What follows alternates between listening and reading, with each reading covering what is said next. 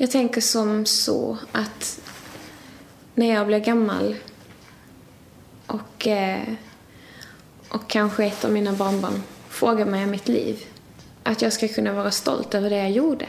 Och kunna berätta att jag levde inte mitt liv bara för mig själv. Utan jag levde mitt liv för andra också. Varje dag gör vi val som får konsekvenser både för oss själva, vår familj, våra vänner och samhället där vi bor och för hela världen. Idag ska Emma dela sina tankar om att göra val. Välkommen till Hannas Café. Jag heter Stina Backlund. Och jag heter Maggan Johansson.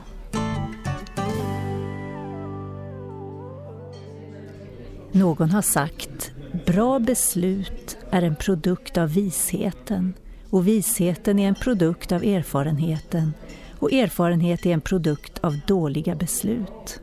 Vad säger du om det Maggan? Ja du, så är det nog ibland.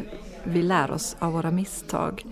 Men jag är inte säker på att vi alltid tar ansvar för våra dåliga beslut. Inte som vi skulle i alla fall. Nej, det har du nog rätt i.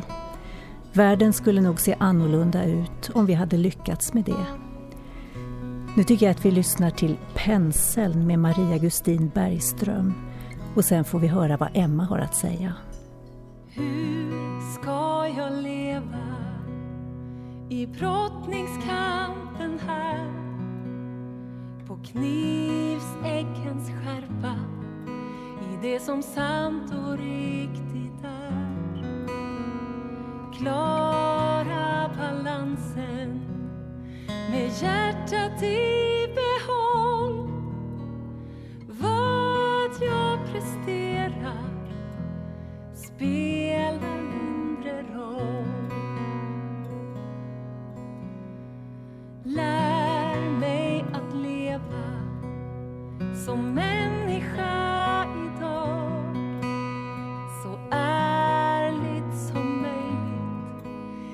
hitta till mitt rätta jag. Få vandra på vägen i sällskap med dig. Se dig gråta, se dig le och hitta hem i dig.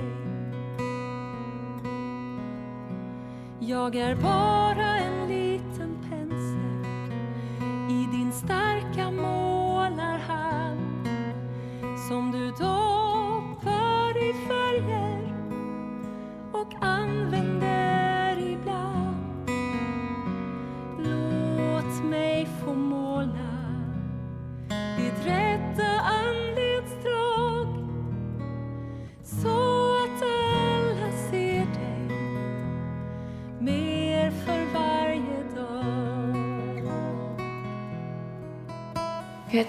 Jag är en 23-årig tjej från norra Skåne. Eh, jag är uppväxt på landet utanför ett litet samhälle.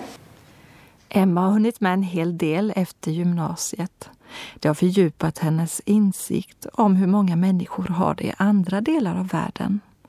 Hon har också fått med sig kunskap som hon nu har stor nytta av.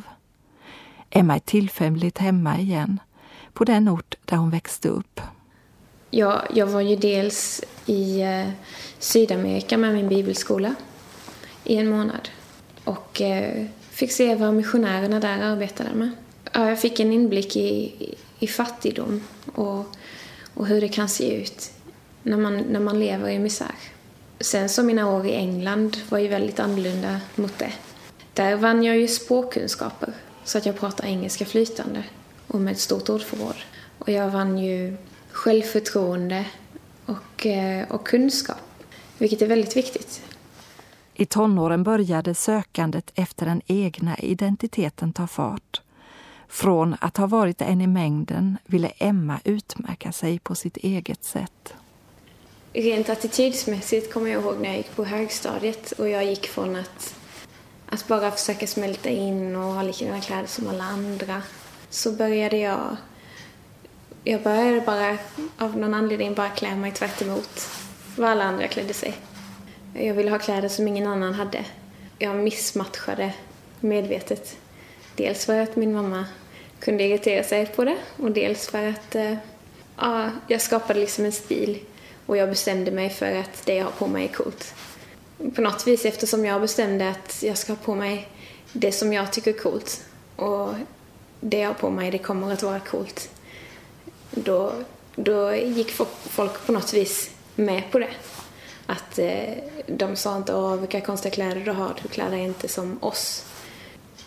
Det var helt enkelt ett symptom av att, av att, eh, av att växa upp, inse att, att man är en person och nu måste jag ta reda på vem jag är.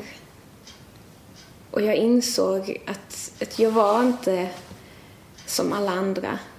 Eh, det låter lite kliché, men ingen är ju som alla andra. Och jag insåg att, att den klädstilen som jag alltid anammat för att smälta in, som alla andra hade, det var inte riktigt min klädstil. Jag är inte intresserad av mode. Det finns alltid någon som blir påverkad av det val vi gör. Emma har funderat en hel del på hur vänskap mellan kompisar kan bli till glädje för andra. Det finns ju ett väldigt starkt tänk bland ungdomar att man ska vara inne. Är man inte inne så är man ute. Och för att vara inne, man ska antingen vara populär eller så ska man, man ska hänga med de som är populär, populära. Och att, eh, och att det är liksom töntigt att vara med den som är utanför. Um, när, jag var, när jag växte upp så var jag väldigt ofta tredje hjulet. Så jag hade ett par nära vänner. Oftast så hade jag två andra vänner som jag umgicks mest med. Och då var de två vännerna, de var oftast bättre vänner med varandra än med mig. Så så fort det skulle delas upp i, i par eller så, då blev jag oftast över. Och det har väl kanske gett en större medvetenhet hur viktigt det är att, eh, att kunna ha bra vänner utan att utesluta andra. Och hur viktigt det är att en vänskapsrelation fortfarande välsignar omgivningen och inte bara en själv och vännen. Att eh, du kan vara väldigt bra vän med en person och spendera jättemycket tid tillsammans och ha jätteroligt. Men det kan ju vara på bekostnad av andra människor runt omkring. Och det blir inte bra i slutändan. Då känner människor oftast att det är, det är svårt att närma sig en sån människa. Um, för man får liksom den bästa kompisen på köpet. Att uh, man är inte en individ längre. Ibland måste man jobba lite extra med de tankar, känslor och handlingsmönster som påverkar både mig själv och andra i en negativ riktning. Att ha det perspektivet att jag påverkar andra människor med mitt liv.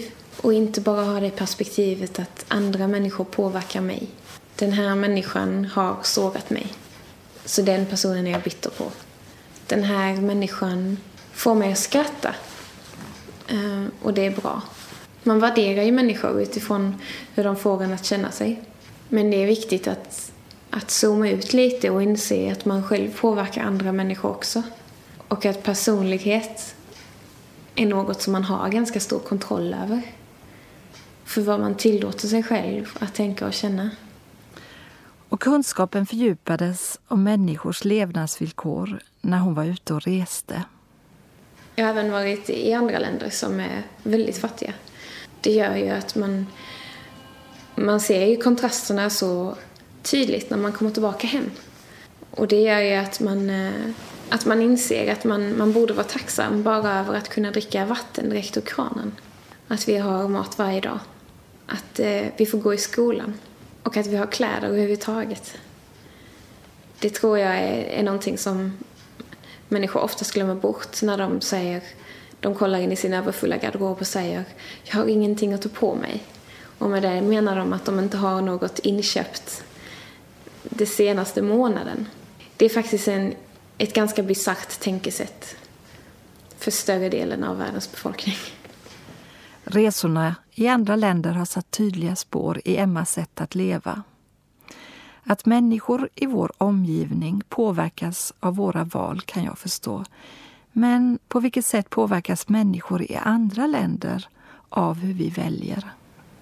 På det sättet som vi konsumerar produkterna vi väljer att köpa. Det är ju så att eh, att det, det finns ju företag som utnyttjar eh, fattiga människor. Som utnyttjar, utnyttjar barn i fattiga länder. till att arbeta för alldeles för låga löner. För att de ska få ner produktionskostnaderna och för att vi sen ska köpa billigare produkter. Och jag har insett att även om ett företag får dåligt rykte och människor rent generellt vet att, att det kanske inte är så bra att handla eh, produkter från det här företaget så väljer oftast folk det billigare priset framför att ta en moralisk ståndpunkt. Emma efterlyser en genomtänkt långsiktighet i barnuppfostran och att föräldrar inte bara ska ge efter för det som känns bekvämast för stunden. Jag tror att um, alla barn är ju egoistiska när de är små. För de ser bara sig själva. Och, det, och genom uppfostran så har man möjlighet att lära dem att se från en annans perspektiv. Men idag så finns det väldigt många föräldrar som har dåligt samvete för att de inte har mer tid för sina barn. Eh, och som bara tar den enkla vägen genom att ge det bästa hela tiden för sina barn. De bara tillfredsställer deras omedelbara behov. Att eh, jag vill ha den, ja men okej, då får du den. Det behöver finnas ett mer långsiktigt tänk i uppfostran. Fattigdomsturism, där man tittar på andras misär för att uppleva något utöver det vanliga, är inget för Emma. Det hon har fått med sig från andra länder ska få konsekvenser i både små och stora val i livet. Som ung så står man ju inför, eh, inför eh, ett väldigt stort vägskäl där det finns tusentals vägar att välja mellan. Det är liksom inte bara en korsning där man ska gå höger eller vänster eller rakt fram. Ska jag studera? Ska jag studera på universitet eller ska jag, ska jag börja arbeta? Eller eh, ska jag gå en KY-utbildning? Det finns eh, oerhört många val. Och eh, jag står själv i det vägskälet och jag vet inte vilken väg jag kommer ta än. Men det finns ju saker som väger väldigt tungt. Jag vill ju till exempel välja ett yrke där jag kan hjälpa människor.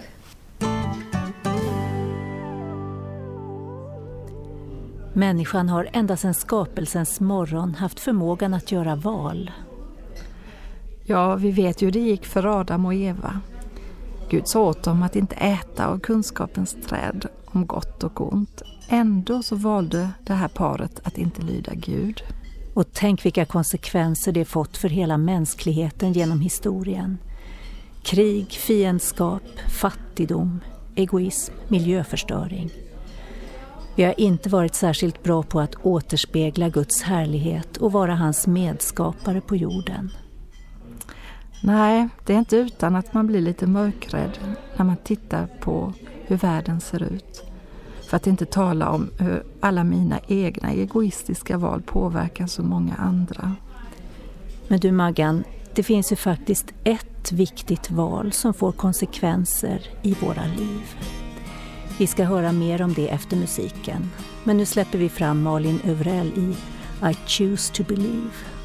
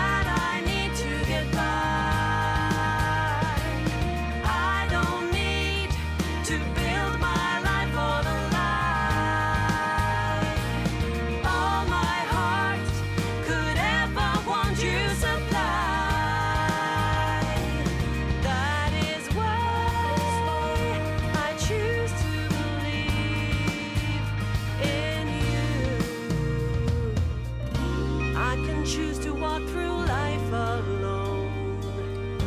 But because of you,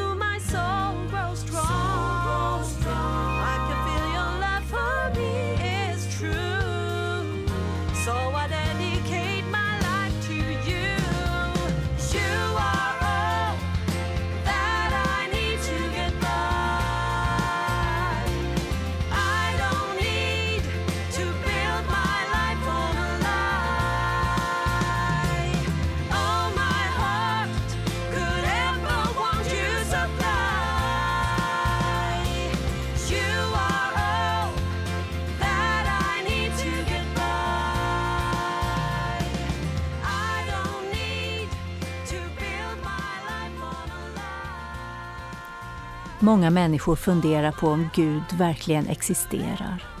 Du kanske tillhör dem. Kanske följde du med dina föräldrar till kyrkan men du tyckte inte det var något som grep tag i dig. Allt det där med Gud bara rann ut i sanden. Emma tappade sin barnatro redan som liten. Trots att hon befann sig i en miljö som präglades av den kristna tron så var hon helt övertygad om att Gud inte existerade. Jag är uppväxt i en kristen familj, men jag tog avstånd från den när jag var åtta år. Och eh, mina föräldrar respekterade önskan som jag hade att inte behöva prata om Gud när jag var hemma med dem. Um, och jag tog också avstånd från den offentligt i skolan. Så jag berättade att eh, mina föräldrar var kristna, men inte jag. Uh, och det var ju inte så här att jag var en superintelligent eh, liten knatte som, som funderade över existentialism och sånt, utan det var, det var helt enkelt för att eh, en nära anhörig till mig dog. Och, eh, och mina böner om att han dels skulle överleva och sen efter att han hade dött så bad jag att eh, eh, bad jag kväll efter kväll att, eh, att Jesus skulle ta med honom tillbaka så jag fick säga hej till honom. Och det hände ingenting. Och då eh, så sa jag nej, då finns inte Gud. För jag har bett och han har inte svarat. Och då vägrade jag lyssna på mamma och pappa när de talade om Gud längre. Och- För det var inte relevant för mig. Det var Emmas ståndpunkt ända fram tills hon var ungefär 14 år gammal. Min eh, mamma ville väldigt gärna att jag eh, gick på ungdomsgruppen i kyrkan. Jag tror att det var för att den um, ungdomsgruppen eh, var på fredagskvällar. Och uh, hon ville inte att jag skulle ut och festa med de andra ungdomarna som jag hade börjat. Jag gick ju dit för att uh, jag blev väl mutad på något vis. Och jag upptäckte att det var folk som var väldigt schyssta. Uh, och jag fick vänner från andra orter som jag inte hade blivit med en annars. Och det gjorde att jag stannade kvar även om jag tyckte att mycket var väldigt lustigt och konstigt. Ja, det var kul att hänga med kompisarna. Men trots hennes vana vid den kyrkliga miljön var det svårt att köpa hela paketet. För henne var det viktigt att själv få ta ställning. Det var först när hon åkte på ett läger som hon bestämde sig för att bli en kristen. Så genom ungdomsgruppen så, eh, så åkte jag på ett läger. Då bestämde jag mig för att bli kristen för jag insåg att det var någonting som var relevant. Tron sträcker sig bortom det man kan se och det som man kan bevisa med vetenskapen. Emma insåg att Gud inte bara hade skapat allt utan att han även hade något med hennes personliga liv att göra. Först så insåg jag att, eller förlikades jag med tanken på att Gud finns nog. Um, och, det, och det kan han gärna få göra för min del. Och ehm, ja, Gud finns nog och han har skapat den här, det här universumet som vi lever i. Och sen så, ju mer jag insåg hur, eh, hur det faktumet att, att Gud existerar, att det måste få någon sorts gensvar i mitt liv. Eller att det måste få eh, konsekvenser för mitt liv. Då insåg jag att, eh, att, att det gensvaret jag vill ge, det är att jag vill leva i en relation med Gud. Och inte ignorera honom. Och då blev jag kristen. Emma gjorde ett aktivt val. Under tiden som tron fördjupades insåg hon att Gud hade gjort sitt val redan innan världen skapades. Han var först på plan. Gud ville ha en relation till henne, en relation som en far har till sitt barn. Denna relation fick hon genom Jesus. Rent intellektuellt var det omöjligt att greppa Gud, men Jesus har gjort det möjligt för henne att få en personlig relation till honom. Hon insåg att nåd handlar om att släppa det krampaktiga taget om sitt eget liv och ta emot gåvan från Gud. I sin kärlek har han genom Jesus Kristus förutbestämt att vi skulle tas upp som hans barn enligt sin vilja och sitt beslut för att den härliga nåd som han har skänkt oss i den älskade ska prisas. Så står det i Efesierbrevet i Nya testamentet. Idag vill Emma att Gud ska vara en aktiv del av alla de val som hon ställs inför i livet och att hon ska få använda alla de talanger han har gett henne. Jag tror ju att Gud har lagt ner gåvor och talanger i alla människor. Och jag tror att han har gjort det för att vi ska använda dem till hans ära. Att eh, om han har lagt ner eh, en eh, musikalisk talang och gåva i dig så ger du honom ära genom att, att spela och sjunga. Och att bli bättre och bättre på det och att kultivera den här gåvan. Likadant med, med språkkunskaper och, och allt möjligt. Och um, jag funderar ju väldigt mycket på vad Gud har lagt ner i mig och vad han vill att jag ska använda det till. Och sen så har jag ju Gud med mig också. Jag, varje gång jag går igenom en process att göra ett val, då gör jag det tillsammans med Gud och frågar honom vad vill du att jag ska välja Gud? För jag vet att hans väg, den väg han har för mig, den kommer ju alltid vara bättre än någon annan väg som jag kan hitta på egen hand. Jag tror att ibland så vägleder Gud folk till en specifik väg, till något specifikt. Och ibland så kan man sitta och välja mellan ett par alternativ och så frågar man Gud, vad vill du? Och då svarar han, det får du välja. Jag tror inte det finns några formler alls i kristendomen för allting handlar om en relation med Gud. Och då blir det väldigt personligt. Men framförallt så, så vill ju Gud att man ska använda de gåvor och talanger som, som finns nedlagt i dem.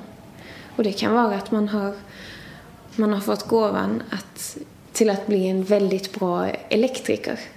Och då ärar man Gud genom att utföra sitt arbete till högsta möjliga standard. För man an, använder eh, det som Gud har lagt ner i en. Emmas bön är att alltid få tillhöra honom och få vara till för andra människor. Hon vill också ta ett aktivt ansvar för den jord Gud gav åt människan att ta hand om. Jag tänker som så att när jag blir gammal och kanske ett av mina barnbarn frågar mig om mitt liv, att jag ska kunna vara stolt över det jag gjorde. Och kunna berätta att jag levde inte mitt liv bara för mig själv, utan jag levde mitt liv för andra också. Att jag, jag bidrog med att göra den här världen till en bättre plats. För det är ju så att i vårt samhälle har vi väldigt bra möjligheter till att göra val som betyder väldigt mycket för andra människor. Både i det här landet och i resten av världen. Vi ber tillsammans. Gud, tack för att du vill att vi ska vara dina medarbetare. Led oss efter din goda vilja. Låt oss drivas av din kärlek till våra medmänniskor och till den skapelse du gett oss. Amen.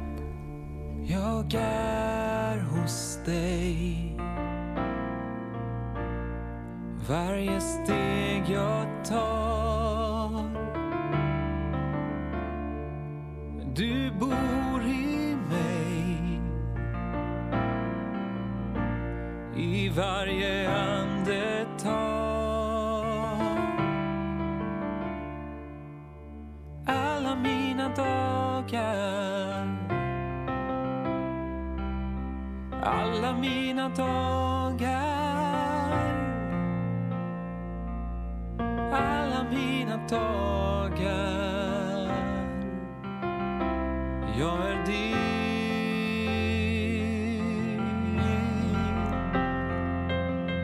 Alla mina dagar, alla mina dagar, alla mina dagar tillhör dig.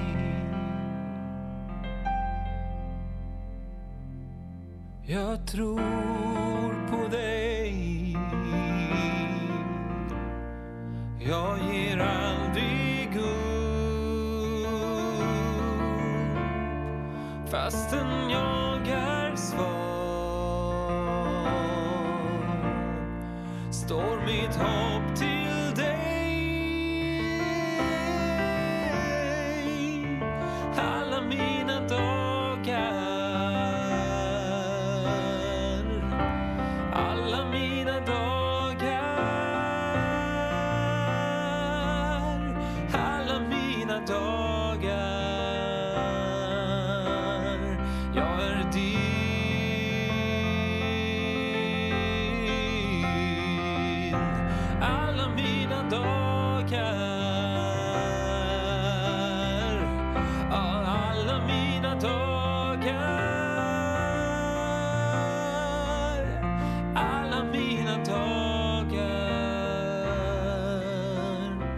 tillhör dig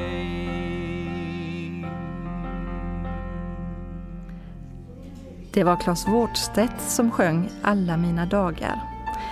Idag har Emma delat med sig av sina tankar om stora och små val i livet.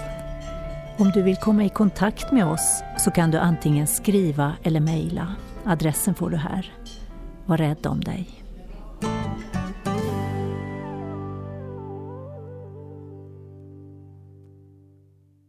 Hannas Café är producerat av Stina Backlund och Maggan Johansson för Norea Radio Sverige med adress Östergatan 20 262 31 i Ängelholm. Mailadress ph norearadio.se och webbadress www.hannascafé.se